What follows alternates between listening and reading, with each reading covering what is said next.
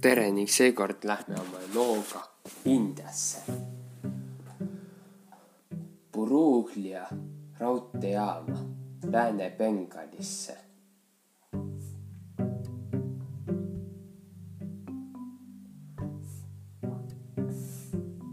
nii, paistab, et Burugliast on veel neid, mitte ainult see raudteejaam, seal on veel, aga nendest räägime hiljem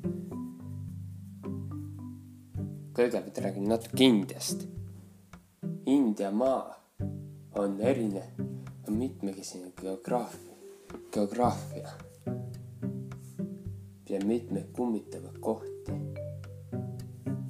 mis, mis on, lähevad lagunenud äärberitest õudsete kindlusteni ja mahajäetud küladeni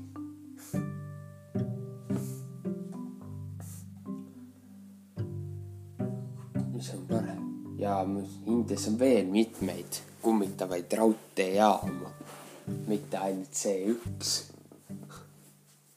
kuid jah, kõigepealt räägime Purulia raudteejaamast Lääne-Bengalis, Indias. kummitav Purulia raudteejaam Lääne-Bengalis, India.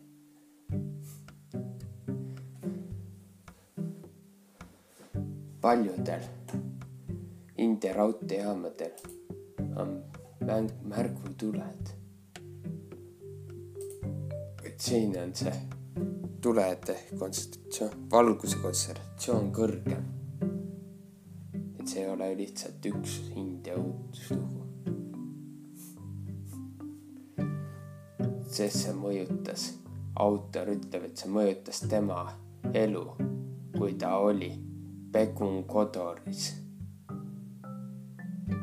ja samamoodi mõjutas see ka kesk, tavalise keskklassi ei, hulka, populatsiooni elu. Pegun Kodoru küla Lääne-Bengalis Purulia linnaosas on küla Purulia maa, maakonnas osas Lääne-Bengalis neli asukoht nelikümmend kuus, neljakümne kuue kilomeetri kaugusel Puruliast. külas asub kummitav raudteejaam, mis jäi suletuks peaaegu neljakümne kaheksa aastaks. avati uuesti aastal kaks tuhat üheksa, aastate kaks tuhat üheksasada kuuskümmend seitse kuni kaks tuhat üheksa. külaelanike sõnul suri seal tuhat üheksasaja kuuekümne seitsmendal aastal üks raudteejaama töötaja.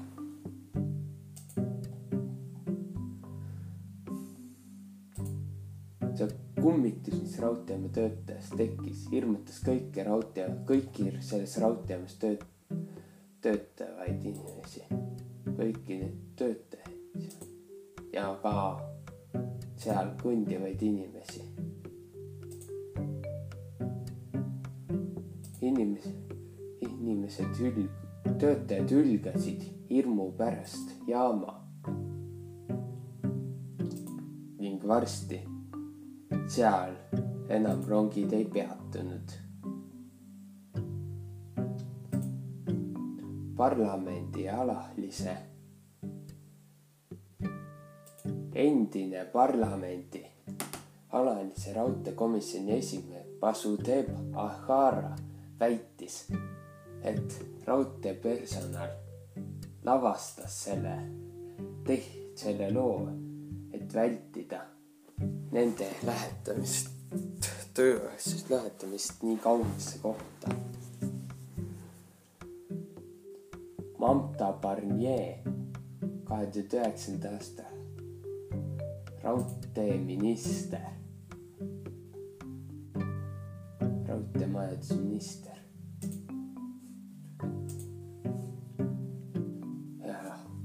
Ütles aruandes, ilmutas aruandes niimoodi. jättis ilmutas aruande rahuldamata ja ütles niimoodi. ma ei usu kummitusi, see kõik on inimese tehtud. hiljem raudteejaam avati, taas avati. ja seda tähistati koos kohalikega, seda uut raudteejaama avamist.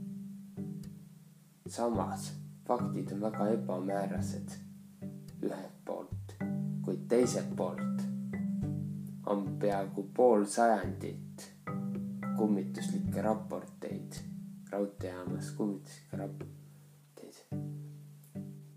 aga samas Pruuli raudteejaamas on, on juhtunud mitmeid jubedaid lugusid. pimedatel tundidel on nähtud imelikke ilmutusi ja kummituslikke ilmutusi. Ja seal jaamas on nähtud ka niisama pimedates kohtades kummituslikke ilmutusi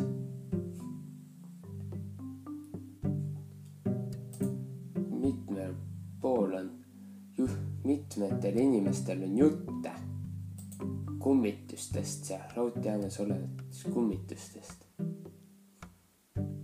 ja, ja on jutte, et nad on näinud kuigi on mitmeid lugusid, siis mingisugust uurimist ei ole paranormaalset uurijate poolt tehtud selle